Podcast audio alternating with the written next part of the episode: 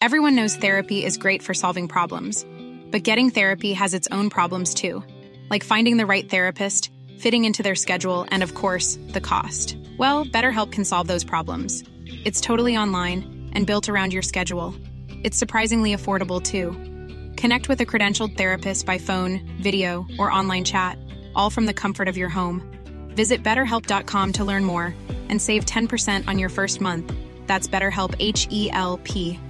Mom deserves the best, and there's no better place to shop for Mother's Day than Whole Foods Market. They're your destination for unbeatable savings, from premium gifts to show-stopping flowers and irresistible desserts. Start by saving 33% with Prime on all body care and candles. Then get a 15-stem bunch of tulips for just $9.99 each with Prime. Round out Mom's menu with festive rosé, irresistible berry chantilly cake, and more special treats. Come celebrate Mother's Day at Whole Foods Market. Hey, it's Ryan Reynolds, and I'm here with Keith, co star of my upcoming film, If, only in theaters, May 17th. Do you want to tell people the big news? All right, I'll do it. Sign up now and you'll get unlimited for $15 a month in six months of Paramount Plus Essential Plan on us. Mintmobile.com slash switch. Upfront payment of $45 equivalent to $15 per month. Unlimited over 40 gigabytes per month. Face lower speeds. Videos at 480p. Active Mint customers by 531.24 get six months of Paramount Plus Essential Plan. Auto renews after six months. Offer ends May 31st, 2024. Separate Paramount Plus registration required. Terms and conditions apply if rated PG. Gjenklang.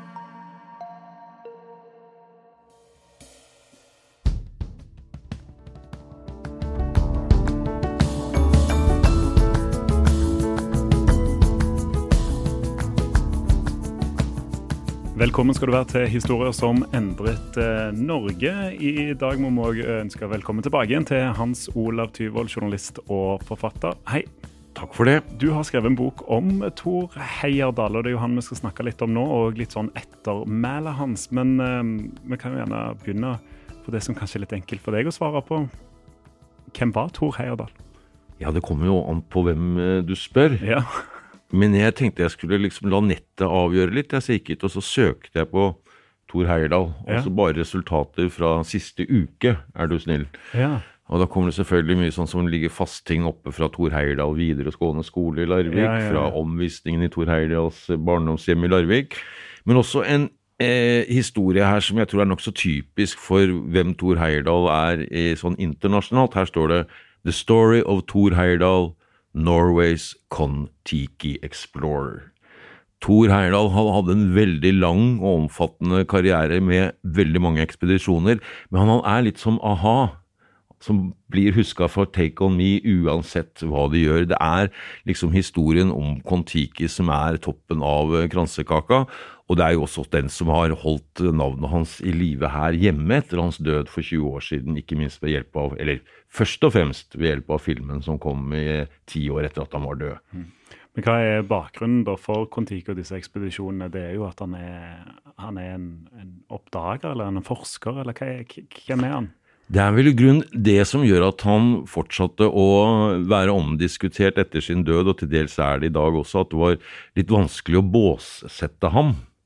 For eh, hans kritikere de så vel på ham nærmest som en, eh, en, en eh, Lars Monsen med vitenskapelige ambisjoner, altså først og fremst en eh, eventyrer. Og i hvilken grad det gikk inn på Thor Heyerdahl, det gikk til en viss grad inn på at han aldri fikk den skal vi si, faglig akademiske anerkjennelsen han syntes han fortjente innen disse disiplinene som arkeologi og, og sånne ting. Og så er det jo også det der med, når du da går, blir nummer én i USA, bare spør a-ha igjen, at det gir en sånn high, altså både personlig og økonomisk og på alle mulige måter, at det nok kan hende at du blir eh, lite grann eh, avhengig av det. Og det kan iallfall se ut i Heyerdahls karriere, når vi skal gå gjennom den også, som at han vet at han fra tid til annen må gjøre ting som er så spektakulært at det gir gjenlyd i verdenspressen, selv om de kanskje viktigste tingene han gjør vitenskapelig, de er ikke ting som får de store avisoverskriftene. Men dette er jo en ting som har fulgt alle norske kjente ekspedisjoner. Denne balansen mellom eventyr og sportsprestasjon på den ene siden, og vitenskapelig undersøkelse på, på den andre. Det er jo noe som gikk så langt som å kalle Amundsens tur til Sydpolen som en idrettsprestasjon pakket inn som en vitenskapelig eh, ekspedisjon. Så det har fulgt alle norske sånne ekspedisjoner som en slags balanse der. For at den eneste måten man kan legitimere, eller stort sett har kunnet gjøre det, altså det å bare sette folk på en flåte for å drive over eh, havet, det er vanskelig å få seriøs eh, funding til det, også den gang, eh, vil jeg tro. Men gir du det et vitenskapelig tilsnitt, så er det straks andre dører som åpner seg. Du har skrevet bøker om Amundsen og Nansen òg. Hvis vi tar Amundsen, Nansen og Heyerdahl, hvor, hvor er liksom likhetstrekkene, og hvor skiller de seg mest ut? Den åpenbare skillelinjen er jo at eh, Heyerdahl vet å henligge sin forskning til komfortable eh, himmelstrøk rent meteorologisk eh, sett. Han begynner sin karriere akkurat som uh, Roald Amundsen med å tråkke rundt i norske fjellheimen vinterstid og kopiere, eller forsøke å kopiere Nansens uh, prestasjoner. Det går nå så som uh, så, men erfaringene blir iallfall eh, av en slik art at de får han til å enda sterkere drømme om eh, Sydhavet. Så vi kan jo ta en kjapp gjennomgang i Heierdals egen guide til sine ekspedisjoner. Ja, for han og, har skrevet, skrevet, om dette. Han har skrevet ganske kort om dette og gitt forsøk på å også vise hvordan, etter hans mening, det hele henger sammen. Og Det begynner jo da med denne turen til Marquesas-øyene i 1937 sammen med sin daværende kone, hvor de skulle leve som naturbarn. Fullstendig Adam og Eva, og sett med dagens øyne en, en, en, veldig, en veldig naiv Eh, ekspedisjon som jo ender i et sammen, sammenbrudd. De klarer seg ganske lenge, men det er ikke mulig for dem. Men erfaringene fra denne turen skal bli veldig viktig for, eh, for, for resten av det han gjør. Neste ekspedisjon hans går til British Columbia, som er altså helt eh, vest i Canada mot Stillehavskysten. Og Der var det altså på leting etter farkoster som hadde kommet fra Sørøst-Asia. Du kan si den motsatte ruten av det han da blir berømt med på sin neste ekspedisjon, som da er Kon-Tiki-ekspedisjonen. Som jo definitivt er det mest grundig eh, belyste aspekt av eh, hans eh, virksomhet. Så den spoler vi litt raskt forbi ja, her, her, og nå. Neste ekspedisjonen den går til Galapagosøyene i 1952 og 53. Og det gjør han da for han vil bringe for første gang profesjonelle arkeologer til en øygruppe som da ligger for så vidt i ruta til Kon-Tiki. sånn sett. Ja, så Dette handler jo da om å underbygge den teorien som lå til grunn for Kon-Tiki, at folk i Polynesia hadde kommet fra Sør-Amerika. Så var det påskeøya i 1955-56, hvor han altså gravde ut disse figurene og fant ut eh, ting om de som var fullstendig helt ukjent. Senere mente han også å finne ut hvordan de hadde klart å flytte på disse gigantiske figurene. Vet, disse hodene som står opp, og bak vet, ja. kropper under. vet du. Oh, ja. ja. Det var det de fant ut med Heyerdahl. Ja. De er faktisk begravd til, til halsen. Ja. Eh, så, så, bare for den arkeologiske prestasjonen så ville han nok, hvis det ikke var for alle de andre tingene han har gjort, så ville han faktisk eh, sannsynligvis vært berømt for den. den ja. Mm. Så eh, kommer da Ra ekspedisjonene. Og det er de første jeg kan huske, for de kommer når jeg er ti år eh, gammel. Ja. Og det gjør at jeg kan forstå noe av den vanvittige interessen som omslutter ikke bare Thor Heyerdahl, men alle disse heltene. Du må nesten ha opplevd dem som barndomshelter for å skjønne hvor store de kan bli i hodet ditt. For da kan du bare bytte ut Haaland og Messi og, og, og den gjengen der. Så da, da blir man veldig fascinert av hva de gjør og Ra-ekspedisjonene, som altså handlet om å krysse Atlanterhavet fra øst mot vest i sivbåter bygget i Egypt. Det var jo mange som mente at han var blitt bløt på pæra da han kom med denne ekspedisjonen, og han måtte ha to forsøk på å lykkes. Og her kommer, jeg vil ikke kalle det politikeren, men den politiske influenseren eh, Thor Heyerdahl til syne. Den politiske influenseren? Ja, det fant jeg på akkurat mens jeg satt, satt her nå.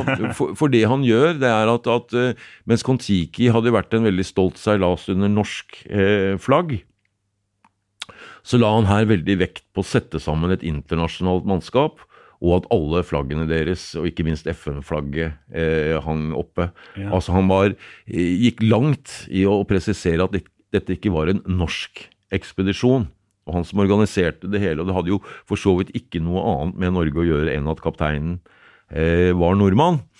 Eh, denne gangen måtte de ha to forsøk på å lykkes, men det som står igjen eh, fra denne turen, og som jeg tror blir veldig avgjørende for veldig mye av det Heierdal ytrer seg om i resten av livet, det er at her oppdager han eh, forurensningen i Atlanterhavet som kommer som en overraskelse på ham. For de følger jo strømmer, ikke sant, og der samler eh, ting som blir droppa i havet seg. Og han blir veldig sjokkert over oljeforurensningen, petroleumsforurensningen og klumper som har dannet seg i det hele tatt. Hvor, hvor, er, hvor er, vi da i, på, på, havet? Nå? Da er vi i, midt i Atlanterhavet, altså ja. på vei fra Nord-Afrika over til uh, Sør-Amerika. Ja. Og, og uh, han forsøker, eller og han bruker mye av, av um, oppmerksomheten som han får rundt uh, Ra-ekspedisjonene, bruker han til å forsøke å skape oppmerksomhet rundt dette her med havforurensning. Og husk på at på disse tider, altså rundt 1970, så var det ikke noen forståelse for det i uh, det hele tatt. Her i Norge så hadde man bare noen få år før eh, grunnlagt det som heter Norsk institutt for luftforskning. Så dette var helt nye felt, og man måtte liksom slåss både politisk og på andre måter for å få dette akseptert at jo, faktisk, den eksosen som kommer ut av bilen din, den skader deg selv om du er ute i friluft. Altså det er så elementært Dette var jo den tid hvor folk røykte 20 om dagen og trodde det var sunt. Ja. Så også inn i den virkeligheten Tor eh, Heyerdahl eh, kommer. Men, men, forurensning altså i, i hav, oljesøl og, og ja. det er sant, På 70-tallet òg eh, eh, Vi kan jo oljehistorien vår òg. Det, det, er jo en, det er en motsetning her til det, til det, andre. Det er en veldig stor motsetning i Norges uh, forhold til uh, naturressurser. Det kunne vi laget en egen ja, kanskje serie om. Neste ekspedisjoner de gikk til Maldivene i 83 og 84. Og det var for han ville da da var han kommet dit at for alvor forfølger videre denne ideen om at folk har flyttet seg over hele eh, kloden til eh, nærmest eh, alle, eh, alle, tider. Så det inngår i det samme prosjektet som Kon-Tiki og Ra. Det går, som han selv sier, en rød tråd her. Neste ekspedisjon Neste ekspedisjoner, de, da er vi kommet ut på, godt ut på 80-tallet, i 6, 7 og 80, tenker jeg. Eh, da dro han til Påskeøya, og da var han altså gjennomførte denne berømmelige hvor de klarte å flytte disse mange, mange, mange tonn eh, store eh, statuene på en måte som, eh, som urbefolkningen der kan ha gjort i sin tid. Den neste ekspedisjonen han remser opp i sin selvbiografi, den finner sted i 1988. Da begynner han å bli en god eh, voksen mann, og det var helt til 93. Dette er i Peru. Også dette henger da sammen med eh, forskninga fra eh, Kon-Tiki om hvordan eh, verdens folk har flyttet på seg. Det siste prosjektet som han selv eh, velger å liste opp, det er eh, Kanariøyene. Dit han flytta i 1990, ikke sånn som hovedbolig, men det var et av flere hjem han hadde, på Tenerife. Og eh, der finnes det noen steinrøyser, som noen mente at eh, var spor etter de første spanjolene og eh, det måtte jo selvfølgelig Heyerdahl eh, finne ut av. Yeah. Siste han gjorde, eh, som ikke krevde noen ekspedisjoner, det var å befatte seg med eh, en helt eh, annen type folkeslag enn han hadde gjort tidligere. For da fikk han en veldig interesse for det som hadde skjedd altså i de områdene som vi nå kaller Russland og Ukraina i førvikingtiden, hvor han mente å kunne dokumentere at Odin, vår gud Odin, Eh, var basert på en, en um, adelsmann fra de, disse traktene. Ja. ja så han, han, fortsatte jo da å være selvfølgelig kontroversiell til, ja. Til, sine dagers ende. Og det er jo interessant også å gå inn og se på eh, Wikipedia. Eh, for da handler jo selvfølgelig, har de et stort kapittel liksom hva har eh, skjedd etter at Tore Heyerdahl gikk bort med disse. For det er en ting som jo kom på de tider da han gikk bort i 2002. Da var jo selvfølgelig DNA på full fart inn i forskninga. Ja, og da kunne DNA underbygge disse teoriene og kanskje Nettopp! Og, eh, eller legge dem fullstendig mm. Og i første instans, eh, hva angår teoriene fra Kon-Tiki-ferden og de påfølgende ekspedisjonene på de kanter, i første omgang så får han bena slått, eh, slått under seg. Han gjør det, Ja. De slår fast at eh, nei, det kan ikke være på den måten. Men så kommer det en ny undersøkelse i noen år etterpå. Riktignok utført av nordmenn, men eh, jeg tror tvert imot at i, stedet for å tro at det vil gi noen fordel, så vil jeg tvert imot tro at eh, en, en vitenskapelig artikkel publisert med et sånt budskap av nordmenn vil bli gå ekstra godt etter i sømmene. Og her er finner, man, her finner man at Heyerdahl har delvis rett. For Man finner altså innslag av DNA som må ha kommet fra Sør-Amerika. Det finner man i Polynesia og, og, og Sørøst-Asia. Men så blir jo spørsmålet hvordan det kom dit. Om det var en følge av en bevisst eh, migrasjon, som jo Heyerdahl for så vidt har gjort seg til talsmann eh, for. Ja, det, det er liksom teorien hans at dette, dette, dette, har de, dette har noe de har drevet med. Dette er ikke tilfeldig at skjer. Helt riktig. Det er tilfeldighetsaspektet eh, som på mange måter blir det som skiller Heierdal fra de andre vitenskapsmennene, som jo ikke kan nekte for at innslaget er der når det nå er DNA-bevist. Ja. Men som sagt skyldes det organisert eh, massemigrasjon, ikke masse eller migrasjon i hele tatt, eller skyldes det en stakkars fiskebåt eller fem som har drevet ut på havet og mirakuløst vis klart seg til den andre siden, som vi jo nå har sett bare for noen måneder siden, at denne fiskeren fra Peru som klarte seg tre måneder ut på Stillehavet. Så vi vet jo at den slags er eh, mulig. Ja, og kanskje og På en tid i verdenshistorien så kan jo, kan jo de òg ha vært bedre rusta til å overleve på over, måneder på, på havet, kanskje. Jeg vet ikke. Det er nettopp det som blir eh, X-faktorene i i det der. Og, og det, det samme gjelder jo også for, for eh, DNA-forskningen mellom eh, Nord-Afrika og, og, og Sør-Amerika. Selvfølgelig finner man masse links der, men spørsmålene er liksom Har de nødvendigvis kommet med den eh, sivbåten? Ja. En ekspedisjon som eh, Heyerdahl ikke ja, Han kommer selvfølgelig inn på den, eh, men det er jo den siste sivbåtekspedisjonen hans, eh, den Tigris-ekspedisjonen i 1977. Der han bygde en veldig stor eh, sivbåt for å seile rundt altså, på Afrikas eh, hva skal vi si, eh, Mesopotam, gamle Mesopotamia, det er vel Irak og altså hele det indre havet der. Og av politiske årsaker, for de ble altså nektet å komme til havn eh, flere steder, og, og den politiske situasjonen i hele den delen av verden gjorde det umulig å gjennomføre ekspedisjonen, så da valgte jo Heyerdahl som en eh, kanskje litt overtydelig protest å brenne denne eh, båten. ja. Og det husker jeg det var et voldsomt skue. Men igjen så brukte han da Og det gjorde han som en protest. Det var en ganske massiv politisk eh, protestaksjon. Og på den annen side så sparte det nok eh, eh, museene på Bygdøy for å måtte bygge en fryktelig stor hall for å få plass til det, den båten. Så kanskje var det med tanke på, på, på, på de han gjorde det.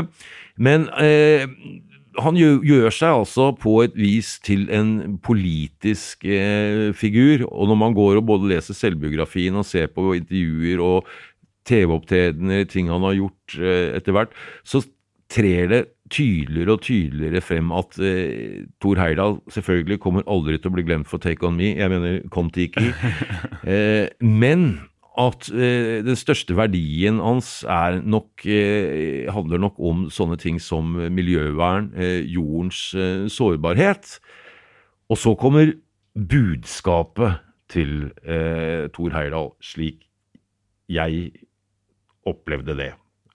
Og nå må vi gå over i å fortelle en ganske personlig historie om Thor Heyerdahl. Det kan være morsomt å gi et lite glimt, som kanskje forteller litt om hvordan han var som type. Ja, for, veldig gjerne. For det du, eh, det du har fortalt meg òg, er jo at du har møtt ham. Jeg har møtt ham, og det er en historie som jeg må innrømme at den har jeg fortalt noen ganger i, i, i, i godt lag. For den, den, eh, den illustrerer en del om, eh, om denne fyren.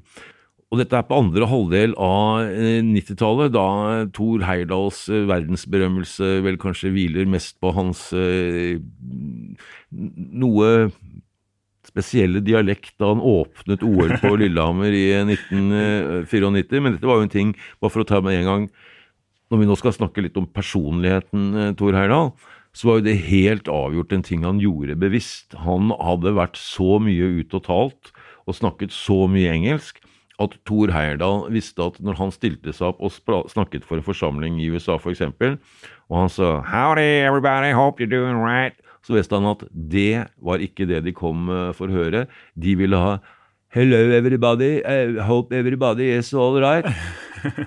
Han visste at den norske aksenten på engelsken hans bidro til hans særpreg og karakter. Hadde han snakket British eller amerikansk, så ville han på en måte blitt bort i mengden etter hvert ja. i, i, media. Men det var jo sånn med Thor Heyerdahl at du behøver ikke spille mer enn liksom to sekunder et opptak hvor han snakker engelsk, så hører du jo med en gang at det er Thor Heyerdahl. Så dette er bare én av flere indikasjoner på at dette var en meget selvbevisst mann. Så han, så han altså, i våre øyne kanskje snakka dårligere engelsk for å gjøre seg mer interessant? var det liksom? ja, ja, han visste at budskapet han, de, de, visste at han, han forsto at hans appell Og husk på, da må vi ta nok en gang tilbake til hva er det disse, disse ekspedisjonsheltene våre egentlig lever av? Altså, hvordan, hvordan skal de leve av dette her? Og da er jo svaret veldig enkelt. Det er bøker og foredragsturneer.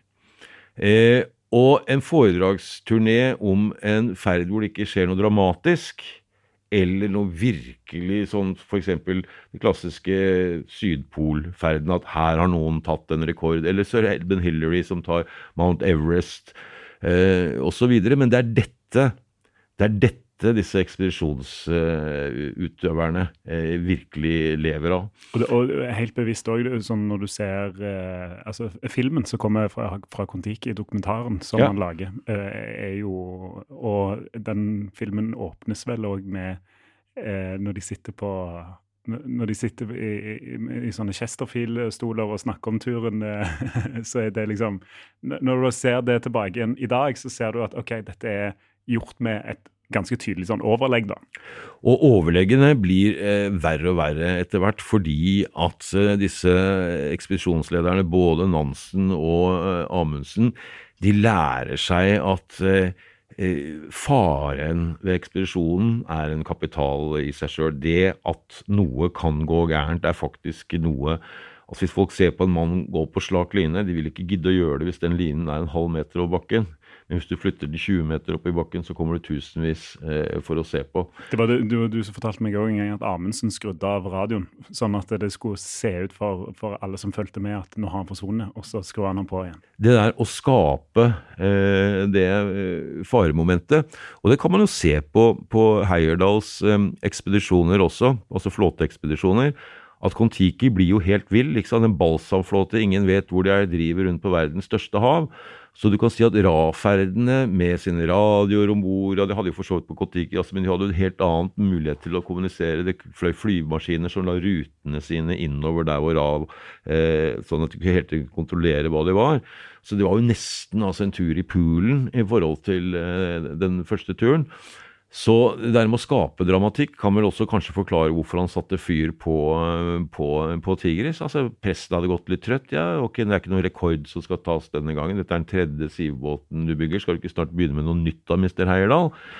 Det er en showbusiness-side ja. ved, ved, dette her som disse menneskene er nødt til å være seg bevisst. Og, og Heierdal har jo både studert hva Amundsen eh, særlig, men også Nansen gjorde i så måte. Og jeg minner om at han har en Oscar, eller hadde en Oscar stående på hylla for beste dokumentarfilm. Og det å ta med seg film på en flåte som Kon-Tiki på den tiden, med størrelsen på filmutstyr og hva du trengte å ha lite vekt på flåta, så var det jo mange som mente at det var vanvittig. Men det var det ikke. Det var tvert imot det som var kapitalen til Tor Eirdal. Hvis han hadde kommet igjen eh, andre enden uten den filmen om bord, så hadde han selvfølgelig vært husket den dag i dag. Men det er hans egen film som virkelig setter fart i dette, her, som avstedkommer filmen som ble laget mange år senere eh, også. Så det å dokumentere tingene dine, ha noe å selge på markedet, rett og slett, det er en forutsetning hvis du skal bli en sånn dyktig ekspedisjonshelt, tror jeg. Ja, Det håper jeg mange som noterer. Men vi må tilbake igjen til, til ditt, uh, ditt, møte da med, med Heyerdahl. Da er vi altså på slutten av 90-tallet, hvor, hvor, du uh, eh, lærer han å kjenne. da. Ja, det skal jeg ikke påstå, okay. men jeg var iallfall så eh, veldig heldig at jeg fikk et av de sjeldne intervjuene eh, som han ga på, eh, på den tiden. Og det var da sånn via, via noen forbindelser. Så hadde jeg fått eh, beskjed om at Thor Heyerdahl muligens kunne være gå med på et intervju hvis jeg fikk se. Så jeg fikk dette nummeret å ringe, da. Og jeg ringer nummeret, da, så er jeg sånn Hallo? Og så sier jeg ja, mitt navn er Hans Olav jeg har fått et nummer av sånn og sånn og sånn. Jeg har fått beskjed om at det var mulig, muligens nødvendig å, at man muligens kunne komme gjennom til Thor Heyerdahl på dette nummeret, sier jeg. Så sier bare den veldig velkjente stemmen 'speaking'. så, var det, så var det altså Thor Heyerdahl. Så jeg var litt uforberedt, for jeg hadde trodd jeg skulle gjennom en assistent. Jeg hadde hørt at han kanskje bodde hos sin datter, hvilket eh, viste seg å stemme. Eh, så jeg trodde jeg skulle prate med et annet menneske eller to før jeg kom til ham, men det var altså rett på. Og dette var før eh, det var fast telefonstid, vi får si. Ja, ja. Ja. Men jeg legger frem ærend om eh, det var så at han kunne tenke seg å stille opp til et uh, intervju. Jo, han var ikke fremmed for det, og eh, så spurte jeg da Du har med den mannen å gjøre, så jeg spurte finnes det noen tid som kunne passe. Ja, hva med torsdag, sier han. Ja, torsdag, det skal Jeg har selvfølgelig jeg ville strøket hva som helst i kalenderen. Dette var jo et, et, et skup for, for mitt vedkommende. Ja, torsdag går jeg fint. Når da? Klokken seks, går det bra? sier Heyerdahl. Ja, nei, men det skal gå kjempefint. Hvor tenker du dette er? Eh, kan vi møtes eh, Det er en benk utenfor Frogner kirke. Kan vi møtes der? Ja, ja, selvfølgelig. Det var, jeg synes det var litt eiendommelig valg av eh, sted, det skal jeg innrømme. Men, men iallfall, jeg er jo bare lykkelig for å ha fått avtalen. Og så, så sier jeg ja, men det er kjempeflott, Heyerdahl. Da har vi en avtale utenfor Frogner kirke torsdag klokka 18.00. Nei, jeg sa seks. Ja. Å ja, du mener klokken seks om morgenen? Ja, er det et problem? Nei, tvert imot, sa jeg og løy litt og sa jeg er en morgenfugl, så det er eh, helt ypperlig. Og, og så dro jeg en spøk med at um, Og dessuten er det jo gratis parkering, da, sa jeg. Ja. Og da sier uh, Heyerdahl jeg har en time til intervju. Eh, hvis du kjører meg til Fornebu etterpå, så kan du få den tiden også. ja. Ja, selvfølgelig slo jeg til på eh, det.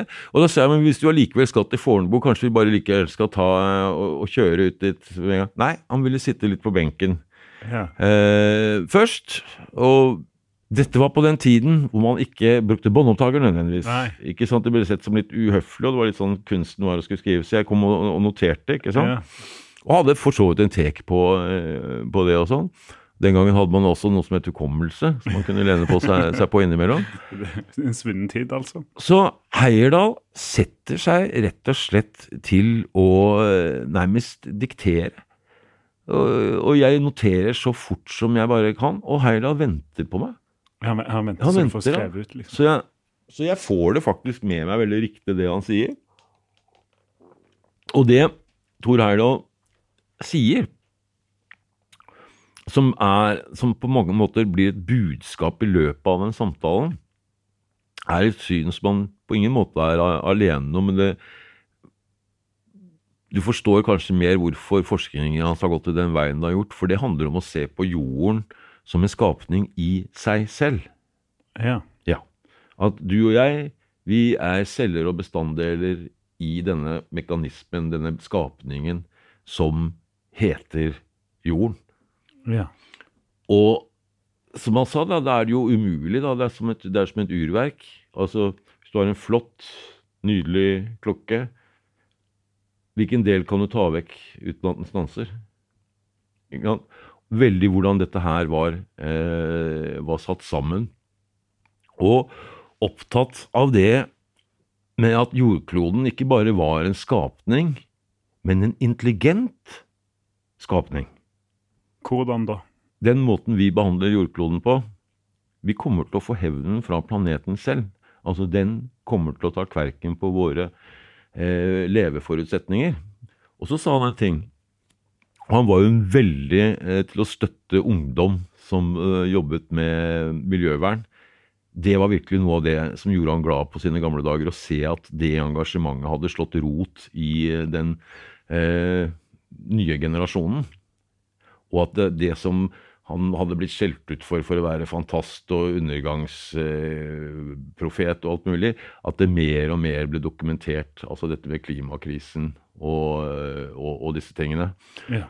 Og når han da så på jordkloden som en intelligent vesen, så sa han det er jo jordklodens eneste valg når han ser på disse menneskene, for han sa det er viktig. Vi vet ikke om noen art som har kommet til her på kloden etter oss. Nei. Altså noen virkelig, noen virkelig nyskapende etter vår tid har vi så langt ikke dokumentert. Nei. Så det vi vet om naturen, om jorden, sa Heyerdahl, det er at vi vet at jorden klarer seg uten mennesker, for det har den gjort før. Ja. Ikke sant? Men denne siste greia som vi la på, den der med mennesker eh, Hvordan går nå det? Og sånn er det med evolusjonen, at den bruker noen millioner år på å avgjøre om dette var et godt trekk eh, eller ikke. Man forhaster seg ikke når man utvikler nye skapninger på, eh, på jorden. Så Heyerdahl sa at det er en ting du ofte hører i miljøvernet som han sa han kunne oppfatte som ikke arrogant, men litt høyt på pæra, var at vi mennesker er i ferd med å ødelegge jorden.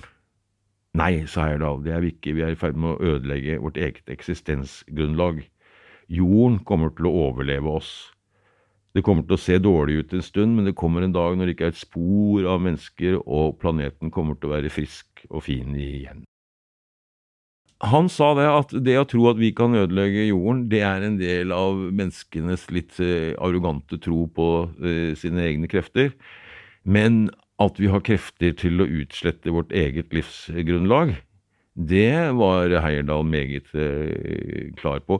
Og så kommer det interessante. Skal man kalle en sånn mann en pessimist eller en eh, optimist? Jeg oppfattet ham ikke som en pessimist, at dette var ikke sånn det går til dundas. Eh, som en tvert imot legge frem bare factsene, og i stedet for sånn, sånn og sånn og sånn er det. Så vi sa dette skjer, dette skjer, dette skjer. Og det røper jo en tro til at folk skal tro, eh, tenke sjøl. Og jeg tenker jo sånn at eh, på sine gamle dager, og nå må jeg prøve å regne i hodet Han må jo ha vært altså, i slutten av 70-åra da jeg eh, intervjuet ham. Men han må jo ha vært veldig glad for å se livsverket sitt, hvordan han har klart å holde det i live. Når du tenker på at Kon-Tiki er da på slutten av eh, 40-tallet, og så står han altså 50 år etterpå, så er det fortsatt diskusjon rundt hans eh, forskning. Historien er fortsatt en del av den norske nasjonale stoltheten. Og det er ikke dårlig det for en liten fyr fra Steinbakken i, i Larvik.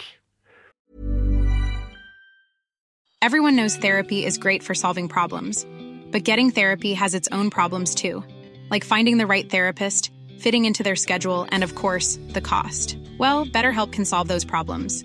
It's totally online and built around your schedule. It's surprisingly affordable too.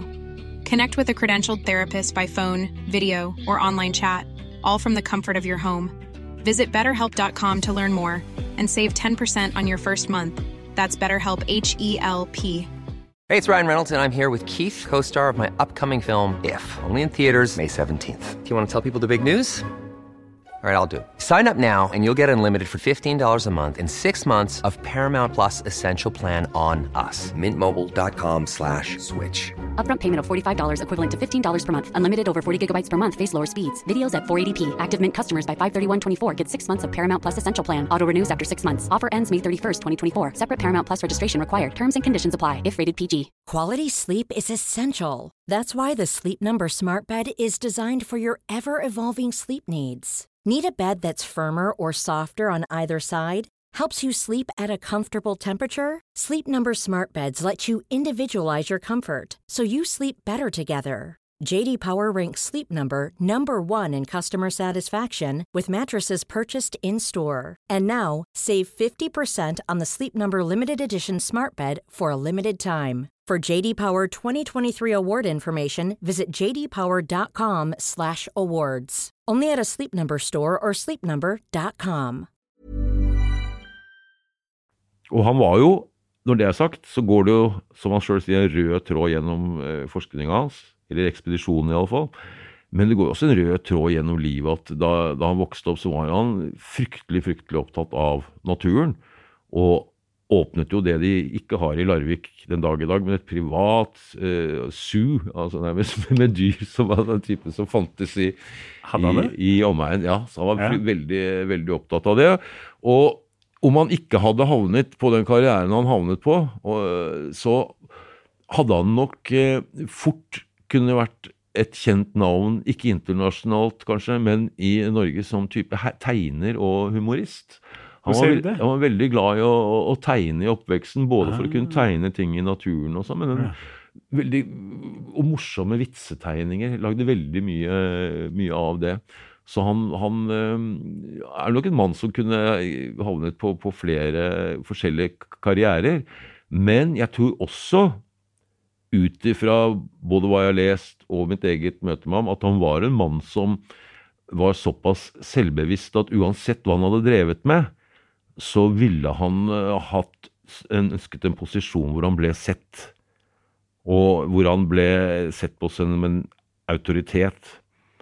Og det var jo også det som gjorde at han ofte kunne bli bitter i forhold til akademiske miljøer, på å ikke bli tatt alvor nok. Han hadde nok ønsket seg en æresdoktorgrad fra eh, Harvard eller noe sånt, men det ble han blokkert fra veldig mange steder, nettopp fordi at de så på ham som en pseudovitenskapsmann. Jeg ser på ham som en vitenskapsmann som ga vitenskapen et uh, tupp i ræva, rett og slett. Ja. Var han, var han opptatt av de tingene når du traff han, eller merka du det når du traff han?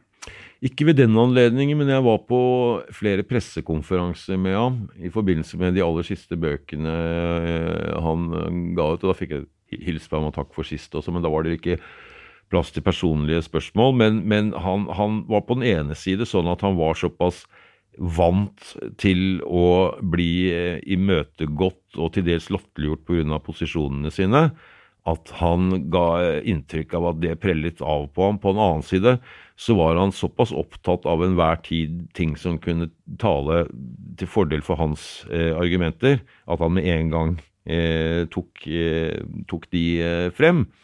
Så, så det er ikke tvil om at uh, en mann med et um, med såpass stor oppmerksomhet rundt sitt eget uh, selvbilde. Jeg tror f.eks. han ville nok snudd seg i sin grav hvis han hadde fått sett dokumentarfilmen som ble produsert om ham for noen år tilbake, hvor han f.eks. eksponerte hans noe spesielle familieliv, som jo bikker over i det vi vel kaller flerkoneri, eh, nærmest.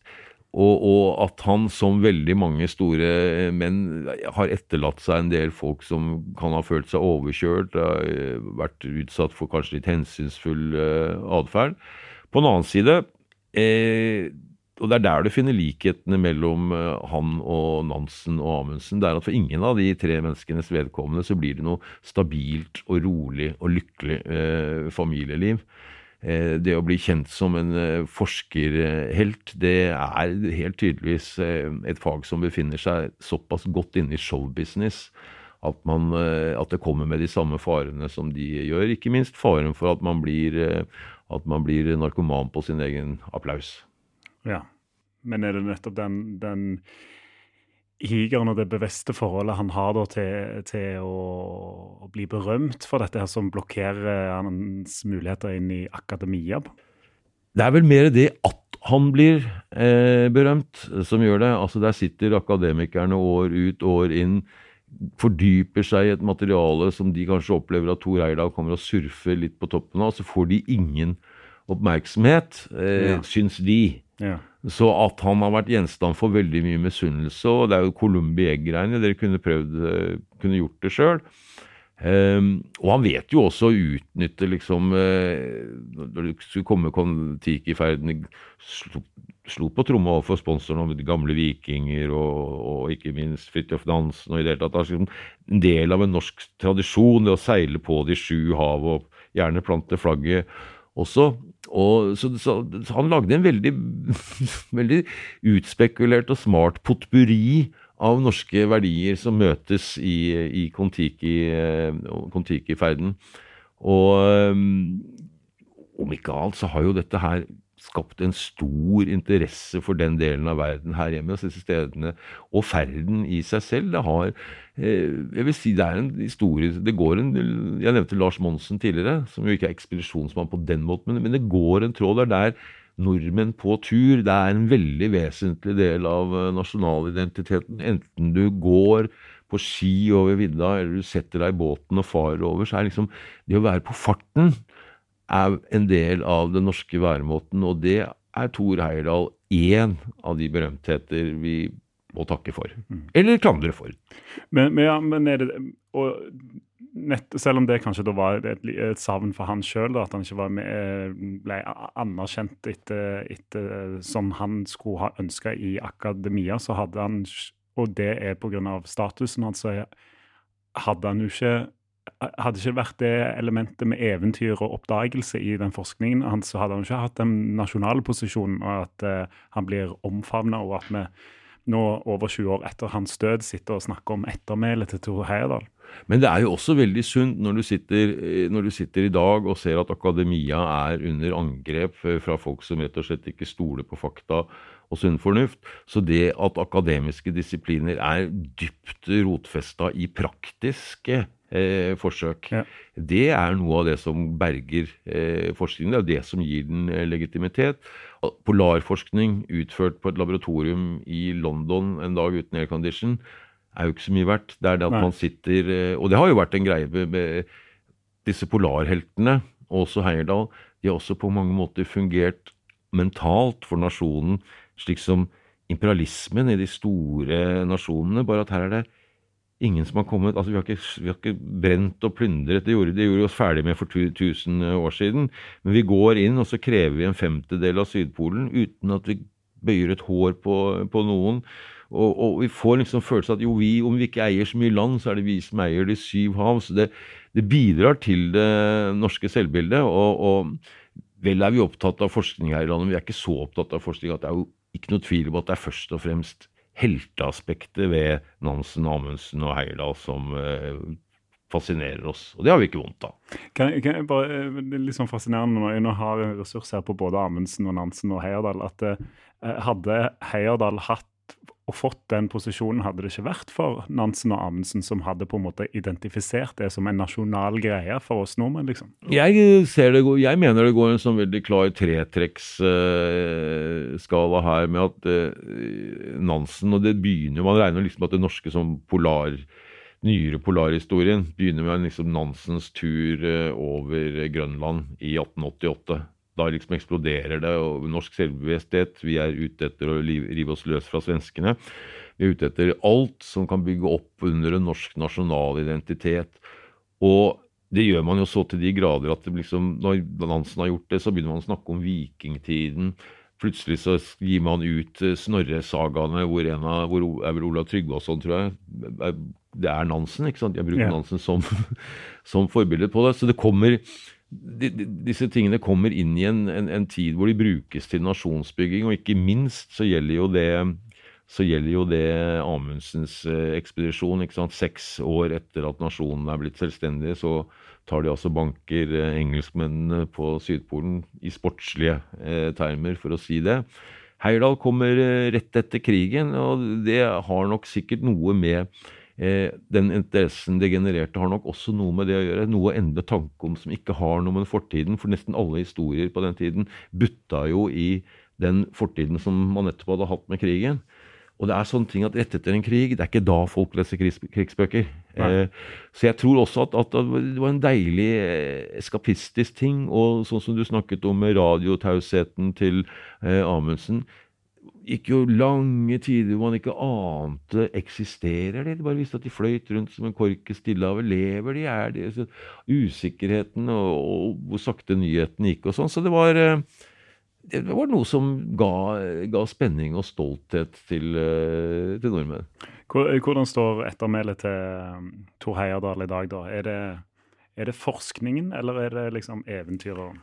Jeg tror, og vi må kanskje gjerne si dessverre der, at den uh, engelske overskriften som jeg leste helt innledningsvis, var altså om Tor Heyerdahl, Norwegian Contiki Explorer, at det er uh, det som kommer til å stå. Men når det er sagt, så har han altså satt store avtrykk på de generasjonene som kom gjennom med den miljøinteressen. Bellonas folk, f.eks. eh, lot seg inspirere av bl.a. Uh, Thor Heyerdahl. Så selv om ikke de avtrykkene han satte som virkelig kommer til å bety noe, har hans signatur på seg, så er det vel egentlig en ganske bra deal for alle. Han blir huska fordi han fløyt på en bastflåta over Stillehavet. Og de ideene og synspunktene han ønsker å infusere, har slått rot i nye generasjoner. Selv om det ikke nødvendigvis er kanskje han som får den type æren han kan ha ønsket seg av det. Men jeg syns i grunnen her har i grunnen alle fått. Det er så win-win. Win-win. Win-win. Nei, men det er bra. Hans Olav Tyvold, eh, takk for at du eh, fortalte mer om Tor Heyerdahl her i Historia som endret Norge. Alltid spennende å snakke om Tor Heyerdahl. Hvis du er glad i historier som endret Norge, så vil du òg like historier som endret verden. Kollega Kristian Konglund han eh, kommer med en ny episode hver torsdag. Og nå på torsdag så kommer han med en splitter ny episode av Historier som endret verden. Ta og Sjekk ut eh, den. Du kan òg eh, følge oss i Historier som endret Norge på Instagram. Der legger vi ut bilder og videoer som er relatert til ukens episode. Der kan du òg komme i kontakt med meg om du har episodeønsker eller gjesteforslag. Ta og send meg en melding på Instagram. Historier som endret Norge. Gjenklang.